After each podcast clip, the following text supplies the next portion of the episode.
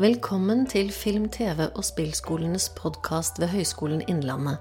I denne podden møter du fagansatte, stipendiater og studenter ved landets ledende utdanningsinstitusjon innen det audiovisuelle feltet, dvs. Si de som jobber, underviser, forsker, virker og lærer ved Den norske filmskolen, TV-skolen og spillskolen.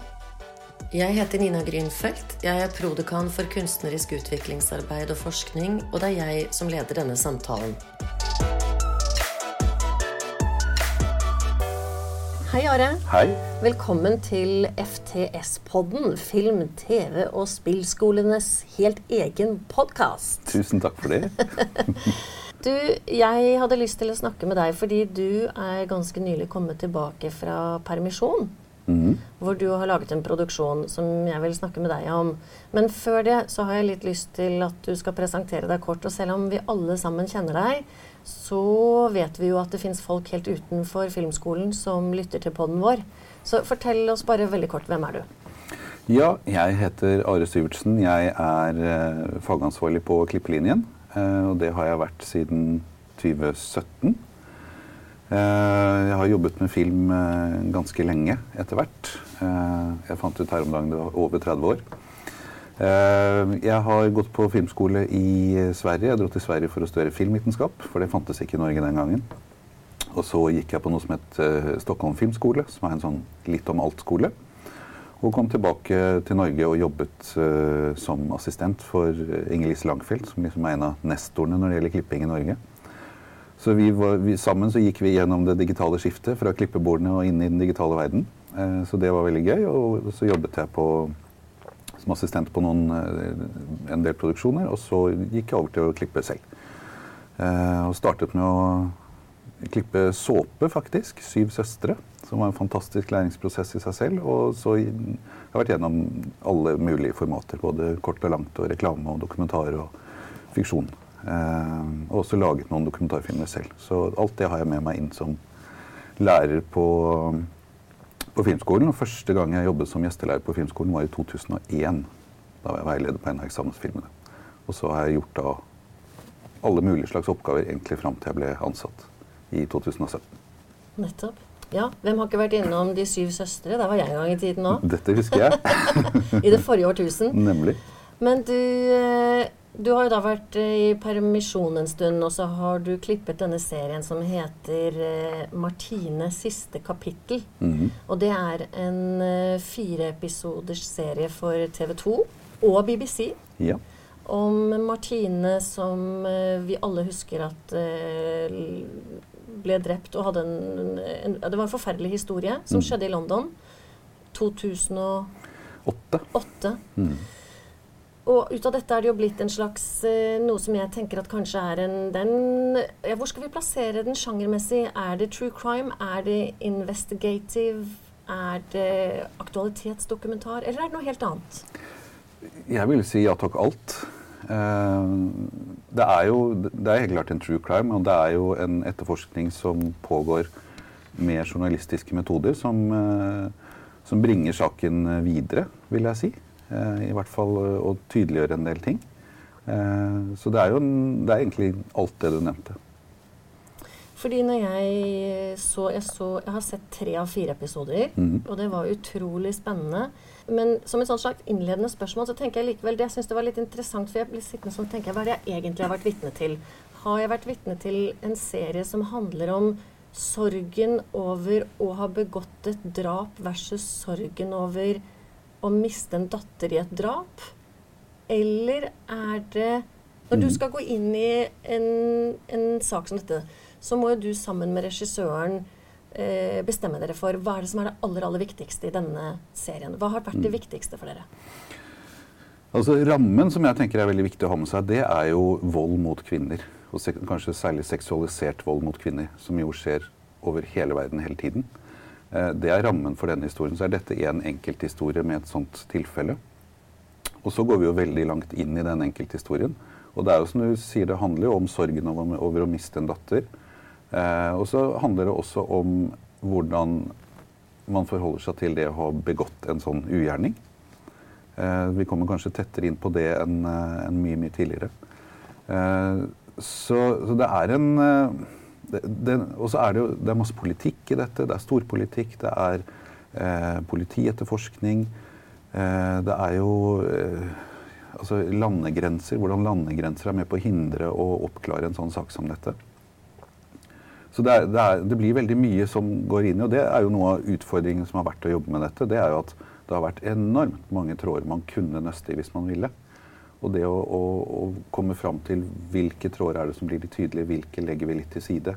Hvilke plukker vi opp, men kanskje ikke fullfører helt. Eh, men som vi likevel plukker opp fordi det er viktig å sette de på, på agendaen, og at folk tenker over det. Selv om ikke vi kommer med svarene. Hvordan var det slik at du ble klipper på dette prosjektet? Det er et norsk produksjonsselskap som heter Need to Know, som består av eh, Gard eh, Andreassen og Styrk Jansen, som i utgangspunktet initierer dette. Eh, og de har på en måte vært pytt i panne inn i dette innholdsmessig sammen med, med Madeleine Jansen. Og så har, de, eh, så har, de, også vært et annet norsk selskap som heter Underdog, som har vært involvert her. Og så har man gått til TV 2, og så har man funnet ut at dette er jo også en engelsk sak. Juridisk så er det en engelsk sak siden forbrytelsen skjedde på engelsk jord. Eh, og dermed så har, man, så har man snakket med Odd Petter Magnussen, faren til Martine, som har sagt at ja, men det var en britisk journalist som var opptatt av dette for ti år siden. Jeg kan kontakte henne. Og så tok han kontakt med Nawal al-Maghafi, som da nå jobber i BBC. Men som er jemenittisk? Som er jemenittisk. Og hun gikk til sin sjef, og så begynte ballene å rulle. Hun har, hun har gjort, gjort, ting som har fått priser og greier, har jeg forstått? Hun, har jo, hun er 32 år og har jeg tror hun har vunnet tre Emmy-priser så langt. Hun har bl.a. laget en dokumentar om eh, Iraks hemmelige sexhandel, som handler om eh, hvordan irakiske menn kjøper seg sex ved å inngå korttidsekteskap, som så blir oppløst etterpå når man har fått det man ville. Eh, så, og hun har vært krigsreporter, vært mye i Jemen eh, og andre steder i, og rapportert fra sultkatastrofer osv. Så, videre. så hun er jo en veldig dreven journalist med å jobbe ute i feltet. Og er jemenitt. og kommer selv fra jemenittisk diplomatfamilie, så hun, hun kommer fra noen av de samme eh, sosiale lagene som eh, Farouk Abdulhak gjorde. Nettopp. Så hun mente at hun kunne kanskje klare å komme lenger i denne saken enn det man har gjort tidligere.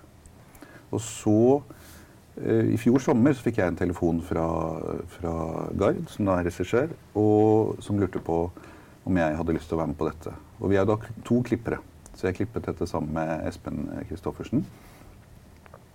Og, og, grunnen til at vi var to klippere, var at Gard hadde jobbet med oss begge eh, tidligere. Og han mente at vi ville tilføre noe ulikt inn. da. Så vi kom med litt ulik kompetanse inn i prosjektet, og at sammen så skulle det kunne bli eh, spennende. Eh, så det var sånn jeg kom inn i det. Og denne serien den har ganske mange klipp. Tidvis, ja. Så jeg tenker det er bra det var to klippere, for det, var mye, det, var mye, det er mange klipp. det er mange klipp. det er mange klipp. Tidvis er det mange klipp, og tidvis er det veldig få klipp. Ja, det er det kanskje, men jeg tenker nok at rent sånn formmessig så får man jo assosiasjoner til sånn 24, altså litt sånn spionaktig. Det er droner. Eh, vi klipper inn i ufokus og ut igjen. Altså, det, det, den spiller jo helt klart på dagens eh, sjangerspråk innenfor noe som skal være spenningsrelatert. Eh, det er rekonstruksjoner. Jeg har lyst til at du skal snakke litt om verktøyene dere bruker. Hvordan dere har valgt dem, og hvordan dialogen med med regissøren har vært i den prosessen? Mm. Jeg skal prøve. Det blir litt som å putte på en tiers. Du får prøve å styre meg litt hvis jeg sporer helt av. For det er mange ting. Uh, men vi hadde f.eks. Uh, vi hadde jo et ønske om å vi, Dramaturgisk så har vi på en måte to, to, elementer vi bruker. Vi har de klassiske oppsatte intervjuene hvor noen utdyper noe eller forteller noe om gjerne Martine eller andre mennesker rundt, uh, rundt henne.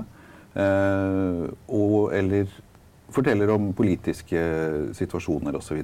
Gir oss bakgrunnsinformasjon. Det er det ene elementet. Og det andre er det som vi kalte run and gun, som er eh, Naval som da er eh, på tur og prøver å finne ut av ting. Og intervjuene er klassisk veldig statisk satt opp, mens run and gun er da håndholdt og er på en måte en motor i å drive oss fremover da, hele tiden i jakten på å komme nærmere Farouk Abdulhak. Og så hadde vi da i tillegg eh, Vi brukte kanskje to fortellergrep som, som jeg syns var veldig spennende da jeg ble presentert for dem. Det ene er det å bruke det som heter interrotron. Som det er akkurat nå jeg skulle ønske at dette ikke var en podkast, men at det skulle være mulig å vise noen bilder for å illustrere det litt bedre. Mm. Men prinsippet er jo Nå sitter du og jeg og snakker foran hverandre og ser på hverandre. Eh, med en Terratron så hadde du ikke sett meg, du hadde sett et bilde av meg hvor jeg ser rett inn i kamera. Og tilsvarende så hadde jeg sett det samme på deg. Og det er jo egentlig det samme som man bruker i nyhetsstudioer, hvor man har på en måte via speilanordninger foran kamera en, en tekst som går, sånn at nyhetsoppleseren kan se rett inn i kamera, og det ser ut som vedkommende kan alt på rams. Men står egentlig og leser av en tekst. Og det, Prinsippet er det samme. Og illusjonen som man ønsker å, å, skape med dette, er jo en større nærhet til seeren. At man får følelsen av at den personen sitter og snakker direkte til deg hjemme i stua di.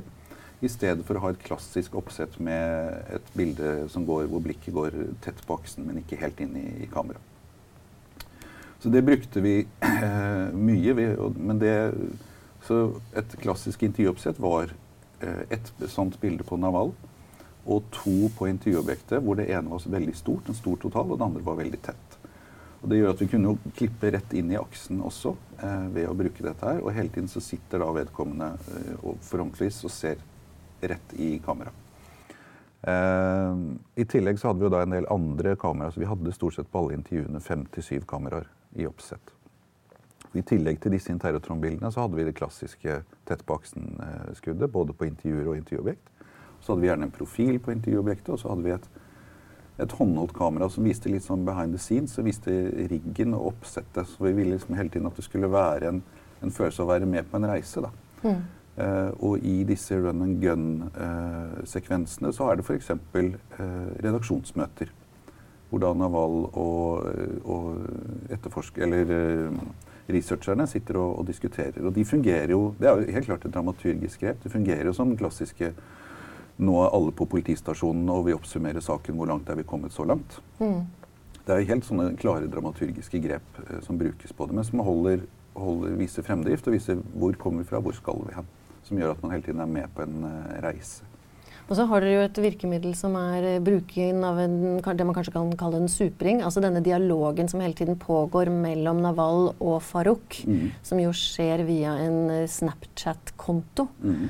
Uh, og jeg tenker det, For meg er det faktisk litt interessant som dokumentarist. Jeg har skrevet en bok hvor jeg egentlig har ett premiss i begynnelsen, og det er at jeg skal finne et fotografi av min farmor. Ja. Og jeg tenkte når jeg så denne serien, så tenkte jeg jeg skal på et tidspunkt få møte Farouk. Ja jeg skal få se han. Mm. Uh, jeg tenker at uh, det plottet mm. som jeg opplever at dere legger inn der, um, direkte og indirekte, mm. det må ha blitt et problem for dere. Eller? Ja, det var jo det. Fordi uh, det, det var jo, målet var jo å få et intervju med han. Det var Navals tydelige mål. Mm. Det var liksom arbeidspremisset. Mm. Hvor langt kommer vi på det? Får vi møte han? Får vi møte han. Ja. Uh, og det første som skjer, er jo at hun får kontakt med han via Snapchat. Han har jo ikke snakket med noen medier uh, i det hele tatt.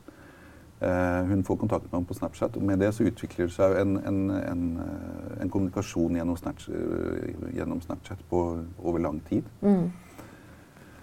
og der kommer det jo mye. Men det, det, er jo Hun forsøker jo å nærme seg saken, og han vil snakke om alt mulig annet. Og, som liksom handler om han er veldig glad i å lage mat, så han snakker masse om matoppskrifter og gjør masse sånne ting som Det er jo ikke det vi er interessert i å høre, men det er jo en del av han. Mm. Og så etter hvert som de da får, får, mer og mer kommunikasjon, så, hun, så de, snakker de sammen på telefon. Uh, og dramaturgien i det er jo lagt opp at det, det, dette utvikler seg fra at hun får høre at han er på Snapchat, til at hun får kontakt med han, og så en del av hva de kommuniserer på Snapchat, og så snakker de på telefonen. Og så reiser hun til Jemen mm. for å forsøke å få det intervjuet med ham.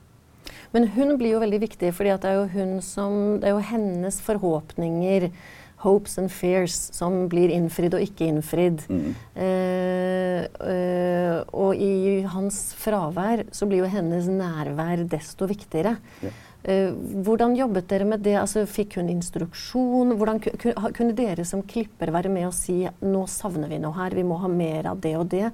Hvordan, hvordan foregikk denne prosessen, sånn at dere sikret at dere hadde et råmateriale som til slutt kunne bli en spenningsfortelling? da?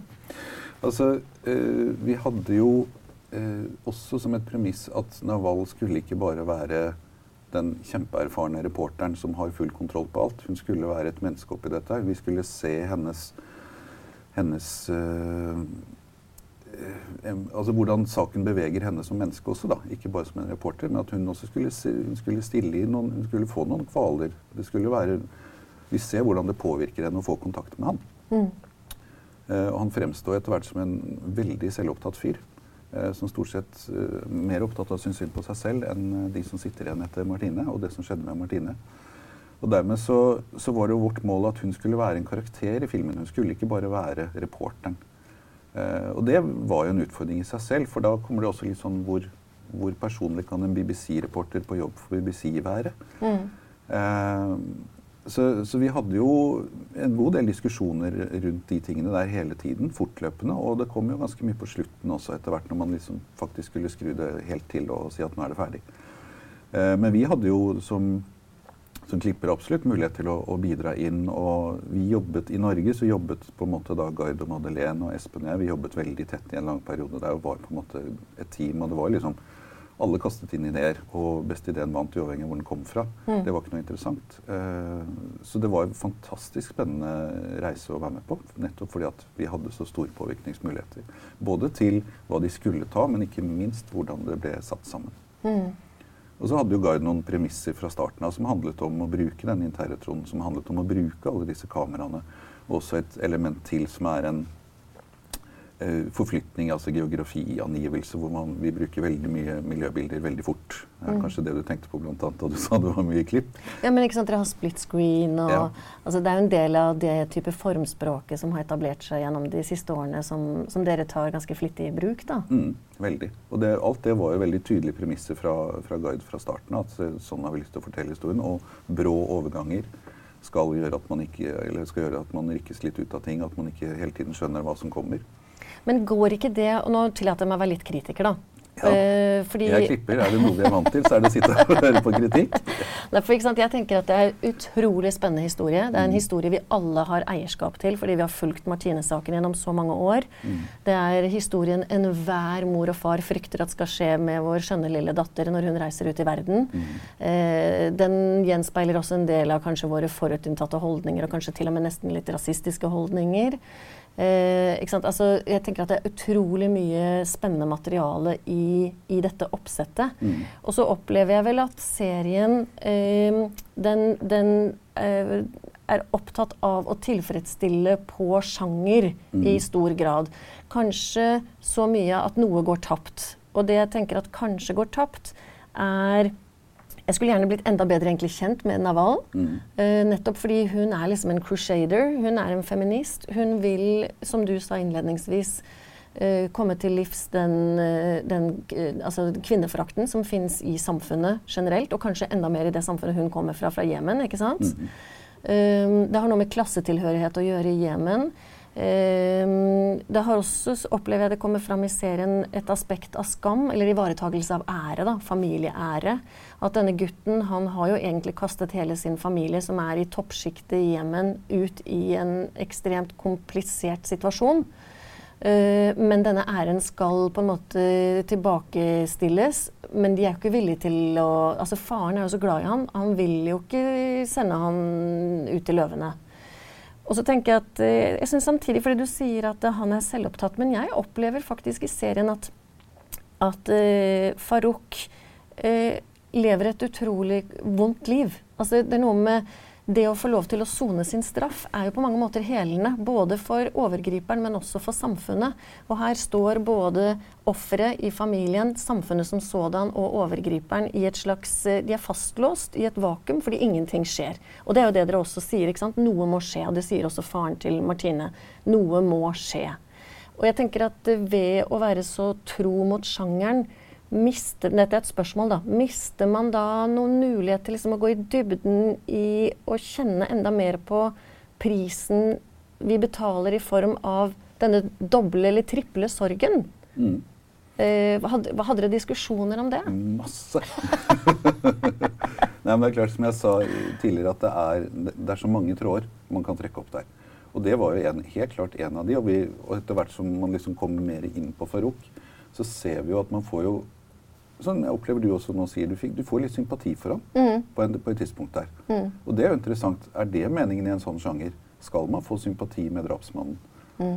Eh, og hva gjør det med Naval f.eks.? Mm. Hvordan påvirker det hennes rolle som reporter? Er, bare der har du en kjempeinteressant diskusjon. ikke sant? Dere har jo med en danske som på en måte fungerer som en slags forsvarer for Farouk. Ja. Det er en som heter Lars Madsen, som er, jobber som sikkerhetskonsulent i, i Midtøsten. og som har fått uh, en kontakt inn med familien, og er en av de få si, utenfor som har truffet Farouk etter, etter mm. drapet. Uh, og han, uh, han, som du sier, han, han, forsvarer jo en del av dette. Han, han forstår Farouk i, i, en større grad. Nettopp fordi han har møtt han. Og det møtet har liksom gjort inntrykk på han. Mm. Og det er, jo, det er, jo, Vi snakket veldig mye om det, men den derre Hva gjør de menneskelige relasjonene, de møtene med oss? Fordi at egentlig så er oppsettet veldig enkelt. Eh, Farouk er en drapsmann. Han skal vi ikke føle noe sympati med. Men så har han jo måttet flykte til Jemen. Han har jo ikke sittet Han har jo ikke bodd noe særlig i Jemen eh, siden han var liten. Og han sitter alene, har ikke så mye Kan, kan ikke bevege seg så mye rundt osv. Og, så og sitter mye alene. Han jobber. Eh, så det blir en sånn diskusjon. Da. Er, han mener jo selv at egentlig så er det en straff å være der han er. Og derfor så vil han, Nå er det for sent for han å dra et annet sted og ta straffen. Mm. Eh, for han mener han soner allerede. Eh, så det blir jo ganske interessant. det der. Er det en straff å sitte i et eget hus og kunne jobbe og, og ha et liv, men selvfølgelig et helt annet liv enn det han har hatt før? Ja, ikke sant. Og er, jeg, jeg, opplever i hvert fall i serien at han er en løve i bur. Ja, han, er, eh, han har ikke måttet sitte i fengsel. Men sammenlignet ikke minst med, med tanke på det han kommer ifra, hvilke muligheter han hadde hatt, mm. eh, så lever han jo bare en brøkdel av det livet han kanskje hadde sett for seg, og ikke minst eh, familien på hans vegne også, da. Ja, Men det er klart det er, en, det er, det er hans valg mm. å sitte og, og, dra dit i stedet for å, å eh, flykte fra England som han gjorde. Han kunne ha blitt der, eller han kunne dratt tilbake relativt raskt igjen etter, etter at uh, drapet skjedde, mm. og tatt sin straff. Men kom, på et tidspunkt der så er det noen som sier at de er redde for at dersom han hadde reist tilbake til England og tatt sin straff, så ville han kanskje blitt drept. Mm. Jeg vet ikke om det er en reell frykt eller påstand i det, men det blir nå framsatt som en slags hypotese. Ja, det gjør det. Eh, og det er jo vanskelig å si noe om. Eh, det er jo ikke sånn man liker å, å tenke på utenlandske, eller fengsel i England. At det skal være reelt. Eh, men det, man finner nok andre, andre tilfeller også hvor det på en måte er en sånt hat mot en drapsmann at det er reelt. Hva, hva har du lært av å gjøre denne klippejobben, denne serien? Jeg har lært uh, masse. fordi at jeg har jo, For det første, jeg hadde jo på en måte en aversjon Eller ikke aversjon, men jeg har vært veldig ambivalent i sjangeren true crime, som det var liksom det det ble presentert som. Er det liksom bare å, å spekulere i tragedier, eller kan man faktisk uh, gjøre noe fornuftig med en sak? Eh, så jeg har lært at det kan man. Mm. Så jeg er veldig glad for, eh, for, å ha vært med på den biten der og se hvordan, hva som skjer med en sak når man kan jobbe på en litt annen måte enn politiet kan. Mm. Uh, og så er det, det var, Jeg var veldig spent på dette med å bruke den internetronen og folk som ser deg, ser rett på TV osv. Men jeg, jeg, var veldig skeptisk i utgangspunktet. Men da jeg så de første opptakene, så var det sånn jeg reagerte egentlig ikke så mye på det. Jeg tenkte ikke noe særlig over det. Altså, vet Du hva? Du sa jo dette til meg før jeg begynte å se. Ja. Så jeg hadde jo da et blikk på og tenkte når er det denne serien, eller scenen skal komme? Ja. Og så tenkte jeg at den der når hun er i intervju med han dansken, mm. da tenkte jeg nå bruker de den. Ja. Men så viste det seg at da hadde jo de sittet i samme rom. Så da var det ikke blitt brukt. Jo da. For de sitter, oh. ja, de sitter i samme rom, men de, de sitter ikke mot hverandre. De sitter 90 grader uh, vendt fra hverandre. Fordi at de sitter og ser på hver sin skjerm. Hæ, nå skjønner jeg ingenting. Nei. Hvorfor bruke den teknologien hvis de befinner seg i samme rom? Fordi at det handler ikke om opptakssituasjonen, det handler om hva som kommer ut til eh, tilskueren. Hva vi opplever på skjermen. Og det vi opplever, er jo at han, Lars Madsen, sitter og ser rett på oss, og Naval sitter og ser rett på oss. Oh. Ja. Jeg trodde at det var en teknologi man nærmest brukte i en koronatid, hvor du ønsker nei, nei. at det skal se ut som folk ser på hverandre, men det er ikke mulig, liksom. Nei. Det er for å forsøke å gi en illusjon av at folk er enda tettere på, at, er, at man er enda mer inn i en samtale med den personen som sitter og forteller. Men fordel ok, men det er jo superinteressant, fordi jeg Ok, nå høres jeg kritisk ut igjen, da, og det, jeg tror jeg må se det om igjen. Men fordi da jeg så den scenen, så tenkte jeg ah, nå er vi der som Are hadde tipset meg om. Mm. Og det skjønner jeg, fordi jeg føler at de sitter veldig langt fra hverandre. Ja. Altså, jeg, jeg, jeg opplevde det som at det var en distanse i de bildene. Og kanskje var det fordi at det bildet av dansken, det er ganske stort. Han er litt liten i det bildet. Mm. Ja.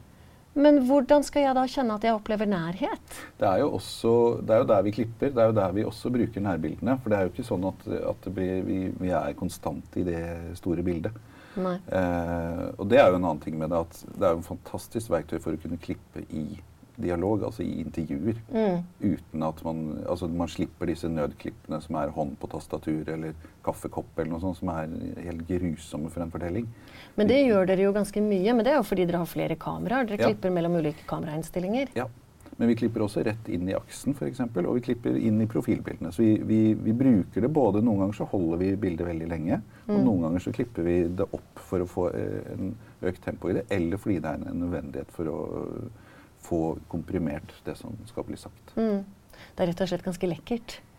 Det er veldig gøy at du sier. Ja, men det er det. Det er veldig Ja. lekkert. Og mitt lille kritiske men. Mm. Og spørsmålet er jo da, når det blir lekkert, går det da på bekostning av psykologi? Altså, ikke sant. Hvis ting blir for lekkert, da, Mm. så mister vi litt nærheten, kanskje. Ja, det er, det er absolutt en, en eh, ting vi også snakket veldig mye om. Eh, hvor, altså form versus innhold, selvfølgelig. Og det Mm. er jo alltid en fare når man går inn og bruker veldig tydelige, sterke formgrep. Mm. Eh, og så må man balansere det. Det som, har vært, som jeg syns har vært litt vanskelig med denne serien, nettopp fordi at alt har vært hemmelig. Altså Jeg fikk jo vite i juli i fjor at Naval hadde kontakt med Farouk. Men vi har jo holdt på den hemmeligheten. Vi har ikke kunnet ha eksterne visninger. Vi har ikke kunnet diskutere de formgrepene. Så alt har vi blitt gjort innenfor en veldig liten krets. Mm. Og det syns jeg har vært eh, utfordrende, nettopp for å få, den der, få mer informasjon om hvordan opplever folk disse grepene. Eh, som jo er kjempeviktig når man sitter og klipper. Og at man er åpen for, for andre menneskers opplevelse av det. Mm. Eh, så det har vært en, en utfordring eh, med det. Eh, men jeg synes også det har vært en For du spurte om lærdom, og det har også vært en veldig viktig lærdom av det. Det er jo hele tiden den derre den balansen mellom form og innhold som er liksom Det er veldig banalt når jeg sier det, men, men det kommer jo igjen hver eneste gang man lager noe. så kommer Det jo igjen. Det er man sitter og diskuterer det. Og noe annet som har vært veldig viktig for meg, er å jobbe sammen med, med Espen, den andre klipperen. Mm. Eh, og hvordan vi fordelte arbeidet fra starten av, og hvordan vi etter hvert bare endte opp i en sånn sammensurium hvor, hvor vi var inne og klippet på hverandres ting hele tiden. Ja. Eh, og hvordan man på en måte må, man må gi fra seg noe eierskap. Eh, som er veldig viktig, og som vi eh, kjente veldig på også, at det må vi jo gjøre. Eh, veldig spennende og til tider litt frustrerende. fordi at man legger jo så veldig mye av seg selv i en klipp. Man får så sterkt eierskap til det, og det, det gjør jo alle fagfunksjonene. Fordi man, det er liksom så Man kan ikke unngå å legge seg selv inn i det. Og så kommer det en, eller annen, en ting er at det kommer en regissør og sier nei, vi gjør det ikke sånn, men så kommer det en annen klipper og begynner å plukke på det jeg har gjort. Det er jo Mm. uhørt. Ja. nei, nei? Men det er den følelsen man kan få noen ganger. Og det å på en måte gi opp det, og så samtidig føle så sterkt eierskap til den serien som jeg gjør, det er en veldig fin opplevelse. Mm. Ja, dere klippere, dere skulle bare visst hvor vondt det er å være regissør, dere, med alle som skal komme og mene noe. Ja, men vi får det jo i hvert fall i, etter, i etterarbeidet. Så må jo vi også bare sitte og høre på folk som kommer og mener utrolig mye, og som gjerne vil gjøre det til sin egen film osv.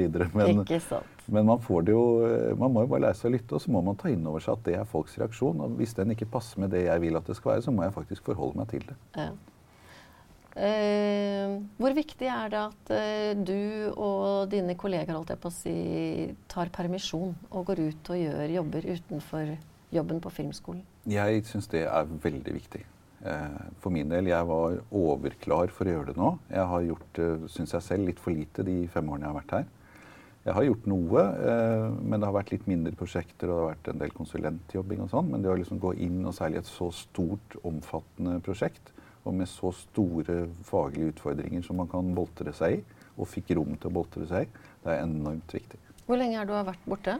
Jeg begynte 1.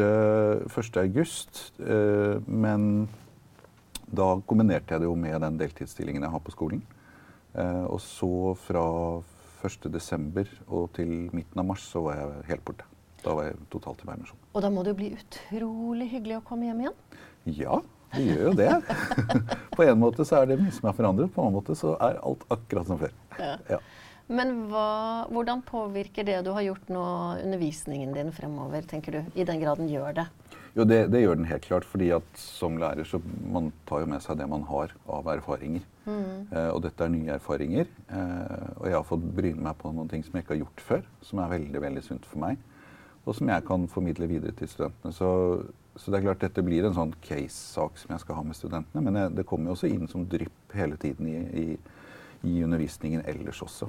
Men helt konkret, har du, altså, har du fått deg noen nye metoder? Er det noe helt konkret du kommer til å endre på i undervisningen din i forhold til studentene? Kommer du til å lage et nytt kurs, liksom?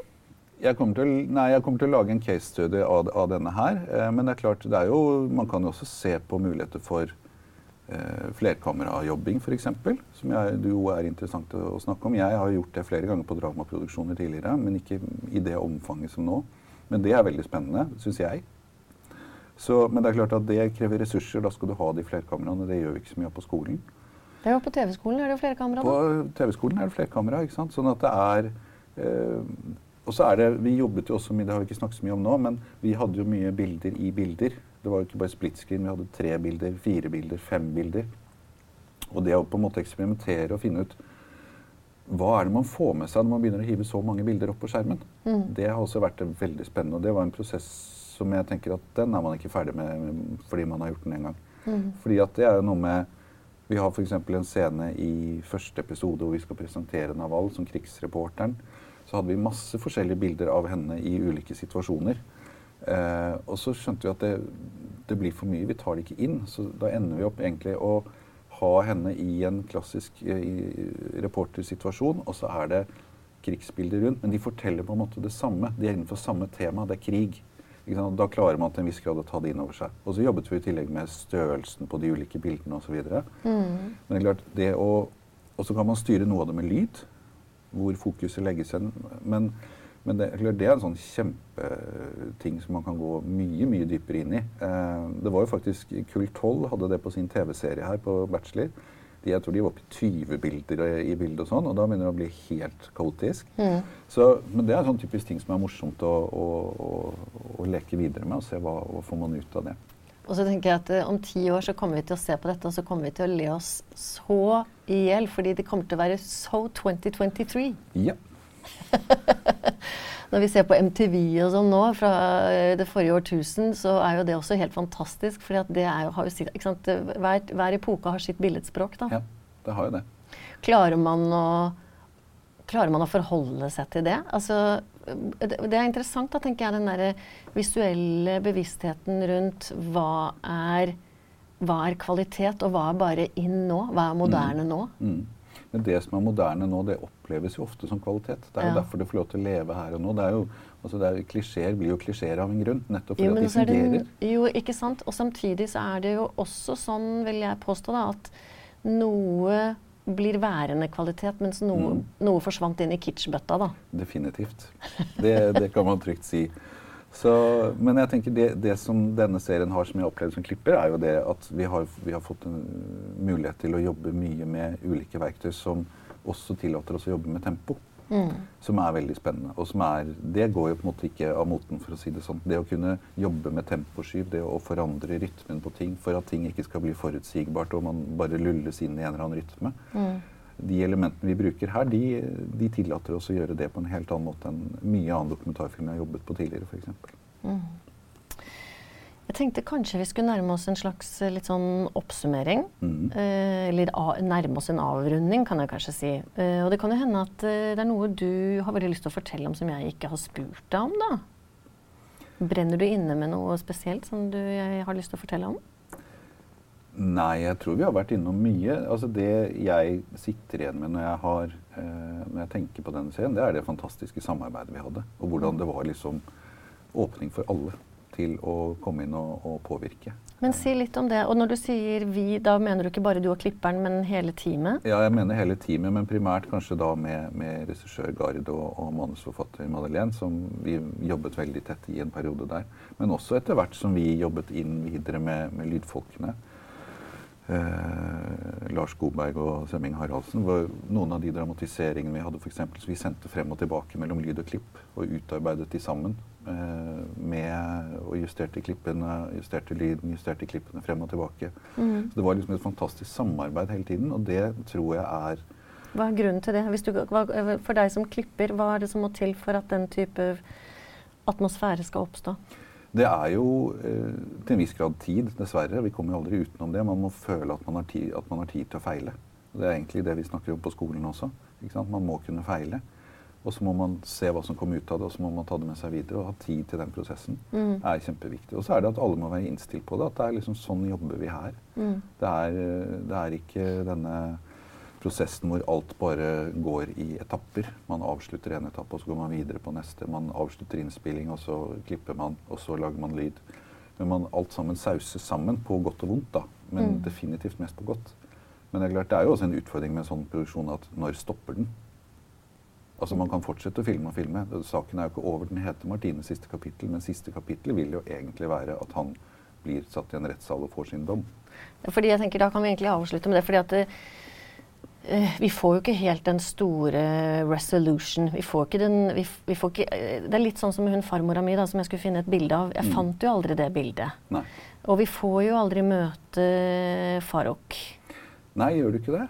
Jeg syns jo man gjør det. Jeg tror man møter ham på en mye mer ærlig måte enn hvis han hadde blitt satt opp i et intervju med fire advokater rundt seg. Ja. Så tror jeg man kommer mye tettere på ham nå enn eh, det man hadde gjort hvis hun hadde fått det intervjuet. Det er egentlig et veldig godt poeng. Det kan godt hende. Øh, Men, og, det er da, og det er kanskje mitt ankepunkt. da, At innenfor sjangeren som jeg opplever at dere inviterer meg inn i, Mm. så øh, har jeg likevel litt større forventninger til nettopp en mer sånn klassisk slutt. Mm. Mens øh, hvis kanskje sjangeren hadde vært litt mer øh, øh, Ja, ikke, ikke så eh, ikke så sjanger altså Tross alt forholdsvis sjangerkonvensjonell, da. Mm. Forstå meg rett. Ja. Så, så vil jeg kanskje i større grad uh, oppleve det. Men jeg, jeg er enig med deg. Ja. Mm. Og, jeg, og jeg opplever absolutt det som for meg er en styrke i serien. Det er at jeg på et eller annet subtilt vis føler at jeg kommer ganske tett på han til tross for at jeg aldri egentlig får møte han. Mm. Det er ganske godt gjort. Ja, det er jo det som har vært målet, mot, målet vårt, å jobbe med det vi har hatt hele tiden. Og vi føler jo egentlig at vi har kommet veldig tett på ham. Mm. Eh, og som sagt kanskje tettere, eller helt sikkert tettere enn hvis det hadde vært et klassisk intervju. Mm. Med advokater som skulle sitte og vurdere den juridiske biten i absolutt alt som ble sagt. Ja, ikke sant. Men det hadde vært en mellomting, da. Man kunne jo liksom fått møtt han i Jemen uten at han Ja, hadde og det, det er jo selvfølgelig en uh, Han ville jo ikke. Det vil si, Naval fikk et tilbud. Hun fikk et tilbud om å reise hjem til han alene. De to i et hus. Uten kamera. Ja. Uh, Og det ville vel ikke BBC godta, for det er vel nei, BBC vil ikke godta det. Naval vil ikke godta altså, Du Nei. drar jo ikke inn i et hus i Jemen til en mann som med all sannsynlighet har begått et drap alene som kvinne. mm. Eh, og dessuten da i Jemen, hvor kvinner og menn da ikke får lov til å være alene hvis de ikke er i slekt. Altså, det er jo tusen grunner til at man ikke gjør det der. Ja. Så det intervjuet gjør man jo ikke under de, på de premissene. Nei. Det- vi ser jo i filmen hvordan hun forsøker å finne steder hvor de kan møtes offentlig. Ja, ja. Og så ender det jo med at han ikke vil det. ja, nettopp. Det er sant, det. Det er jo liksom nærmest oppsett til en ny thriller, akkurat den biten der, nesten. Ja, en, en trist thriller fra virkeligheten på en måte. Ja. Mm. Uh, filmen er blitt vist i en slags kortversjon på BBC. Ja, vi, det er jo en del av, av det hele at uh, vår klipp, som vi hele tiden sendte ned til London, ble komprimert ned der til det, det en sånn de kaller Current Affairs, som er en times versjon, som gikk på BBC2. Men i tillegg så ble jo den også laget til en uh, arabisk versjon som ble sendt på BBC Arabic. Det er litt kult, da. Ja, da har du plutselig et potensielt nedslagsfelt på 60 millioner. Ja, og jeg tenker at da blir den vist der den virkelig bør bli vist. Ja. Og det som er spennende Jeg leste på TV 2 noen dager etter, eh, etter at den var vist her. Så så jeg at Odd Petter Magnussen sa at eh, hutiene hadde da tatt kontakt med han. Hutiene er de som da styrer Sanaa, som er det eh, hovedstaden hvor eh, Farouk befinner seg. Hvor det er borgerkrig i Hvor det er borgerkrig i Jemen. Nå jobber de med en, en fredsavtale. Eh, og da er det jo plutselig interessant, for at utgangspunktet så er det sånn at Jemen har ikke utleveringsavtale med noe land. Så de utleverer ikke sine eh, borgere, punktum. Og Det er derfor han har kunnet sitte der i 15 år. Ikke sant. Men så er det spennende da, når man har en borgerkrig som kanskje er i ferd med å finne en løsning, som man da ser i andre land, at da eh, kanskje blir det en koalisjonsregjering. Hvor altså f.eks. kanskje hutiene skal inn. Det er masse sånne spekulasjoner som nå går. ikke sant? Og hva gjør hutiene da hvis de skal ja, rekke ut en hånd til verdenssamfunnet? Kanskje er det å sørge for at han får eh, straffen sin. En sånn blir- ting som man kan bli en brikke i et sånt spill. Da. Det er en sånn mulig teori man kan spekulere rundt nå. Nettopp. Så siste kapittel er rett og slett kanskje ikke fortalt. Eh, og den som lever, får se. Ja. Og hvis du syns at dette ble for langt nå, så har du nå den enestående sjansen til å klippe bort klipperen. ja, ikke sant? Det var det jeg tenkte. Og her skal jeg klippe, tenkte jeg. Nemlig. Så Are, eh, takk for at du kom. Klipp, klipp. Takk for at du lyttet til Film, TV og spillskolenes podkast ved Høgskolen Innlandet. Klikk gjerne abonner i din foretrukne spiller, og du vil motta beskjed når neste episode blir publisert. Og føl deg for all del fri til å dele denne podden med alle du kjenner.